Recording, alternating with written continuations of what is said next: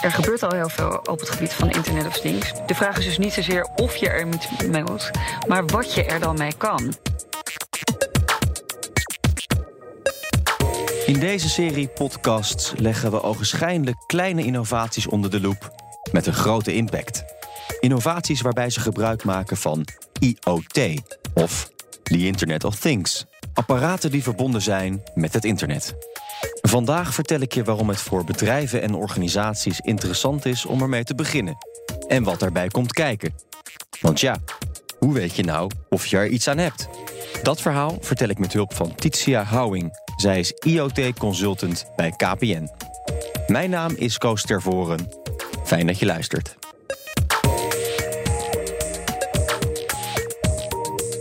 Het leukste is IoT, Internet of Things, is een technologie die op zoek is naar een probleem. Uh, oftewel, het is een techniek die iets kan oplossen. Dat betekent dat je altijd moet beginnen naar iets wat je met deze techniek kan fixen.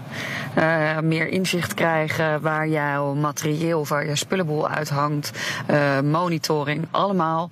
IoT is geen doel op zich. Het gaat erom dat wij het leven prettiger maken en makkelijker. Wie wil dat nou niet? Ik kan me voorstellen dat je dat wel ziet zitten. Ik ben Titia Houwing. Ik uh, heb de leukste baan binnen KPN. Want ik ben IoT-consultant en uh, ga met klanten en partners op zoek naar mooie IoT-oplossingen. Even een paar voorbeelden van hoe je het allemaal net iets prettiger en net iets makkelijker kan maken.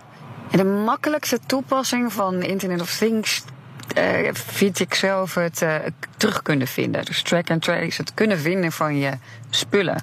En als je zoveel bedenkt hoeveel je thuis kwijtgaat, ga er maar even na, uh, even na hoeveel er in het bedrijfsleven niet op zijn plek staat. dat je je voorraad moet tellen. Dat je niet meer weet waar je spullen uithangen. Dat is een van de meest simpele toepassingen van IoT. Um, het in de gaten houden, monitoring, Um, is wat mij betreft een hele goede tweede. Je kunt het dus gebruiken als een soort Google voor spullen. Waar is mijn bureaustoel? En hoeveel bureaustoelen hebben we eigenlijk? Nou zijn bureaustoelen misschien niet echt het juiste voorbeeld. Een beter en veelgebruikt voorbeeld is de container. Ja, we gebruiken vaak het voorbeeld van de, van de container, omdat het een toepassing is die het heel makkelijk en uh, makkelijk begrijpelijk maakt. Waarbij de, de, de winback heel duidelijk is. Als je nou je container volgt. En dan zeggen we altijd, dat hoef je niet uh, 24 uur per dag te doen. In principe zou het voldoende zijn als je weet waar de container, of de container op de plek is waar die hoort te zijn. En als je dat nou ook kan monitoren, in dit geval voor een uh, verhuurbedrijf van containers, dat je ook daarmee je facturering uh, kan optimaliseren. Dus niet alleen weet je A waar die is, uh, B kan je ook je facturering dan, dat heet dan met een fancy woord as a service, oftewel op basis van gebruik, gaan uitleveren. Je weet dan precies welke route en hoeveel kilometers je product heeft afgelegd. Dat is handig. Maar stel nou dat je iets vervoert en het product is dusdanig kwetsbaar dat je precies wil weten wat er onderweg mee is gebeurd. Ja, ik vind een van de mooiste voorbeelden van, van ons zelf uit de praktijk is uh, het voorbeeld van die vaccinaties. Die worden in koelkasten verzonden naar de gebieden waar ze het hardst nodig zijn, en in dit geval Afrika. Maar als die vaccinaties boven een bepaalde temperatuur komen, dan, dan werken ze gewoon niet meer. Dus het is cruciaal dat als die dingen aankomen, dat je dan bij wijze van spreken kan zien dat ze nog werken. Oftewel, dat de temperatuur constant is gebleven. En uh, nou ja, dat is een van de, van de monitoring cases die wij uh, samen met de klanten hebben ontwikkeld. Wat een mogelijkheden. Nog één toepassing dan. Nou, wat jij ziet is dat bijvoorbeeld het, het vinden van spullen op een, op een bouwterrein een, een ding is. Op veel bouwterreinen. Um, maken ze gebruik van de zwerfkast. Nou, de naam zegt het al. Is een groot van, of ook wel paddenstoel genoemd. Dat is zo'n grote stekkerdoos. Uh, verrassend genoeg hebben ze op bouwplaatsen niet altijd uh, uh, stopcontacten zitten. Maar die dingen heten niet voor niets zwerfkasten. Die zijn nog altijd uh, lastig uh, te vinden. Zo'n bouwplaats is natuurlijk ook vaak, bouwterrein is vaak groot. Dus wat we nu gedaan hebben, is we hebben gezorgd dat we niet alleen die zwerfkasten vindbaar maken, maar we hebben er ook een sensor op gezet waarmee we dus het gebruik monitoren. Wat je dan kan doen, is heel goed inzicht krijgen in A, het gebruik van die uh, stekkerdozen, die, die, die zwerfkasten. Je kan sluipverbruik uh, detecteren. En je kan het matchen met je planning. Dus dan kan je zien of wat je daadwerkelijk bij de bouw hebt ingepland en het gebruik van bepaalde apparatuur, of dat ook daadwerkelijk gebeurt.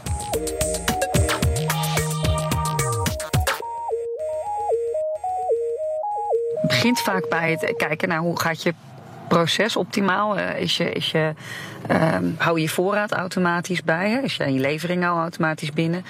Doe je dat met, je, met de hand in een boekje of laat je dat automatisch uh, door je leverancier vullen? Voldoende mogelijkheden.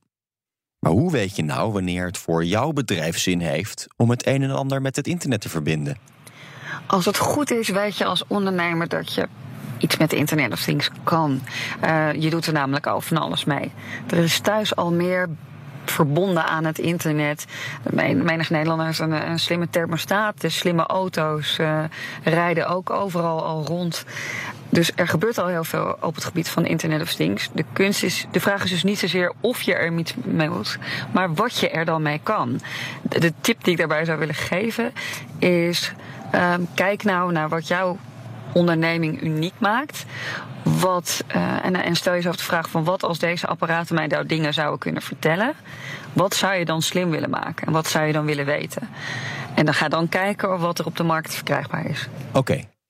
Je hebt naar alles in de zaak even goed gekeken en bedacht: kan dit apparaat mij wat vertellen?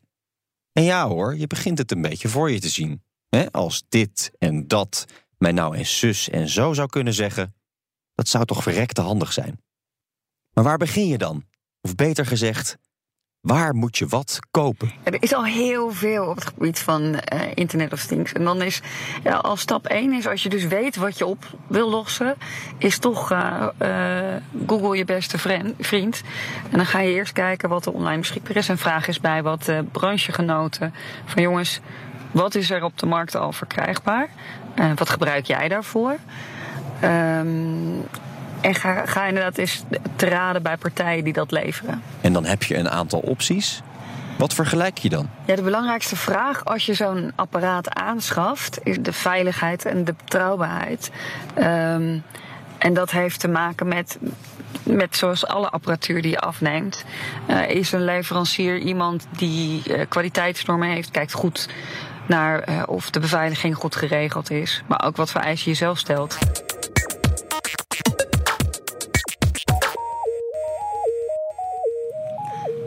Ja, voor Internet of Things is uh, connectiviteit heel erg belangrijk. Je wil namelijk dingen op internet aansluiten en dan heb je een verbinding nodig. Een long range, low power verbinding. LoRa. Aangenaam. En LoRa is eigenlijk het antwoord op de vraag: wat nou als je dingen met het internet wil verbinden en niet noodzakelijkwijs een hele grote uh, stekker of dikke batterij uh, hebt die je elke dag wil vervangen? Denk aan gewoon um, stoelen, tafels, dat soort dingen waar niet noodzakelijkwijs een stekker aan zit. Mijn favoriete voorbeeld is, uh, is de koe. Die het waarschijnlijk bijzonder onplezierig vindt als wij een hele haspel uh, aansluiten. Maar die je toch zou willen monitoren met een sensor in de maag. Nou, dan moet je zorgen voor connectiviteit waar uh, low power en long range uh, beschikbaar is. En dat is LoRa. Dus als je, in, hè, waar we het net over hadden, de containercase. Um, wat je vaak ziet, is, uh, iedereen kent het voorbeeld wel als je GPS aanzet op je telefoon en dat je batterij dan angstaanjagend snel uh, leeg raakt. Ja, dat is iets wat je natuurlijk met track and trace cases heel vaak hebt. Dan wil ik dingen wel volgen, maar wil ik niet elke dag een batterij hoeven vervangen. Nou, LoRa is daar een antwoord op, omdat je um, LoRa in het LoRa-systeem zit ook lokalisatie. Dat betekent dat één berichtje, uh, dan, uh, dat wat met LoRa gestuurd wordt, er wordt door triangulation, wat een heel chic woord is voor drie masten die uitrekenen waar dit ding zich ongeveer bevindt. Daar kan je dus al van deze track-and-trace cases mee doen, zonder dat je GPS inzet en dus je batterij heel zwaar belast wordt. En dan gaat zo'n batterij vijf tot tien jaar mee. Nou, dat lijkt de investering wel waard. En als je die dan eenmaal hebt gedaan, dan wil je misschien ook wel dat andere partijen toegang hebben of krijgen tot jouw data. Er zijn heel veel apparaten die verbonden zijn. Dat betekent dat heel veel bedrijven nu IoT-platformen promoten. Wat een mooie term is voor een plek waar je al deze data, die al die verschillende sensoren uitspugen, verzamelt en distribueert naar je andere IT-systemen. Neem bijvoorbeeld ehm, een, een, een slimme afvalcontainer die data die moet niet alleen naar je eigen bedrijf. Je wil eigenlijk ook dat het schoonmaakbedrijf dat krijgt of de afvalverwerker. Want dat betekent dat je die data ergens op een centrale plek verzamelt.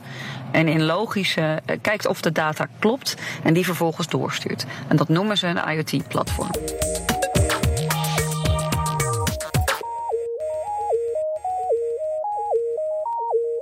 Op dit moment zijn er zo'n 400 IoT-platforms in de markt.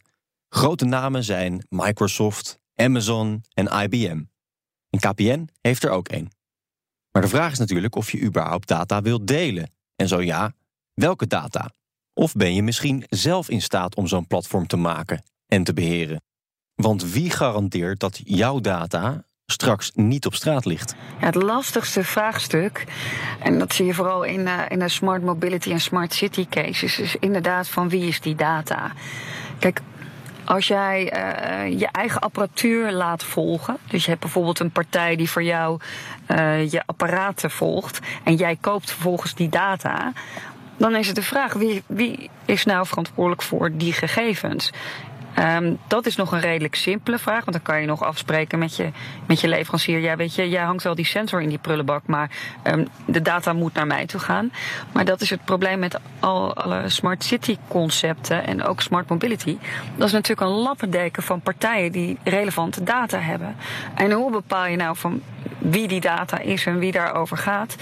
En vooral wie gaat er geld aan verdienen? En wie beschermt je als dat misgaat? Nou, wat je ziet is dat um, de regelgeving op het gebied van IoT nog niet helemaal op orde is. Gelukkig zijn er goede stappen en wordt er ook vanuit de, de Tweede Kamer en het nieuwe kabinet grote stappen gezet om te kijken van hoe richten we dat nou in. Um, maar het is nieuwe technologie. En je kan straks, als jij apparaten kan volgen, kan je wellicht ook de link leggen naar personen. En dan kom je heel snel op het privacy uh, vraagstuk. Um, en de vraag is hoe snel de wetgeving daarin mee gaat groeien. Ja, want een extra verbinding betekent ook weer een extra mogelijkheid om gehackt te worden. Ja, er is heel veel commotie in de, in de, in de pers uh, en in de media over uh, allemaal IoT-apparaten die gehackt worden, babyphones en camera's in sport, uh, hoe heet het, omkleedruimtes. Um, en de reden waarom dat in het nieuws komt is niet zozeer omdat het nieuwe technologie is, uh, maar de schaalgrootte. En wat je ziet is dat de bewustwording um, op, bij IoT-apparaten nog niet zo ver is als bij uh, bijvoorbeeld je mobiel of je laptop. Het feit dat je daar je paswoord verandert en niet meer 0000 gebruikt, dat weet iedereen. Maar heel veel mensen veranderen dus de fabrieksinstellingen niet als ze zo'n telefoon neerzetten. En dan kan je die heel makkelijk hacken, want je hebt namelijk het in, de inlog op je IoT-apparaten. Dat betekent niet dat een IoT-apparaat um, makkelijker hackbaar is. Dat betekent dat mensen gewoon minder goed zijn, minder bewust zijn van de beveiliging. Voor IoT-apparaten geldt dezelfde manier van beveiligen en dezelfde mate van hackbaarheid als je telefoon en als al je andere IT-apparatuur. Tot zover de doemscenario's. IoT biedt natuurlijk op heel veel vlakken juist een oplossing. Zeker als je het met een andere nieuwe technologie combineert. Wat je ziet is dat Internet of Things um, heel mooi ook te koppelen is met andere technologische trends zoals blockchain en, en big data. In essentie zijn, is IoT uh, uh, sensoren die data uitspugen. Um, en daar worden heel vaak de cases voor gebruikt, zoals de, de, de slimme wasmachine. Waarbij je dus de wasmachine aangeeft wanneer die op afstand aangezet kan worden. Maar ook aangeeft van joh, mijn cartridge is leeg, je moet me nu bijvullen. Hé, uh, hey, ik dreig stuk te gaan. Wat je ziet is nu dat als je bijvoorbeeld een, een blockchain concept inzet voor een smart contract, oftewel al die sensoren die data uitspugen, dat wordt gevalideerd in een contractvorm waarbij ik uh, de dienst as a service afneem, dus betaal naar aanleiding van het gebruik. Dan wordt het met die sensoren gemonitord. Maar de vastlegging daarvan gebeurt met blockchain. En je kan je voorstellen dat dat straks met al die leenfietsen, leenauto's. Uh, we gaan steeds meer toe naar een samenleving waarin we niet meer eigenaar zijn van dingen, maar we meer dingen ja, as a service gaan afnemen, zoals het witte fietsenplan van vroeger. Dat dat met een combinatie van IoT en blockchain plaats gaat vinden. Dus iedereen die al helemaal gek is van Bitcoin, Ethereum en al die andere cryptocurrencies, kijk eens verder dan die muntjes en kijk eens naar de blockchain-technologie die erachter zit. Mocht je nu nog twijfelen of IoT iets voor jou is, dan heeft Titia Houwing nog wel een paar tips. Hou het simpel. Denk logisch na. Het is inderdaad niks nieuws. Je telefoon en, en, je thermostaat is ook al met internet verbonden. Uh, en ga vooral kijken naar wat er nu kan. Probeer het. Het leuke van IoT is dat je op kleine schaal al heel veel effect kan hebben met je testen. En meteen kan kijken naar wat het voor waarde biedt. En pak dan alsjeblieft ook de invalshoeken van niet alleen van procesoptimalisatie. Van goh, kan je efficiënter werken. Maar ga ook kijken, hé, wat heeft mijn klant eraan? En uh, hoe kan dat mijn hele businessmodel veranderen? Tot zover deze podcast over the Internet of Things. Vond je dit nou leuk of interessant? Luister dan vooral naar de andere afleveringen. Dankjewel voor het luisteren en tot de volgende keer.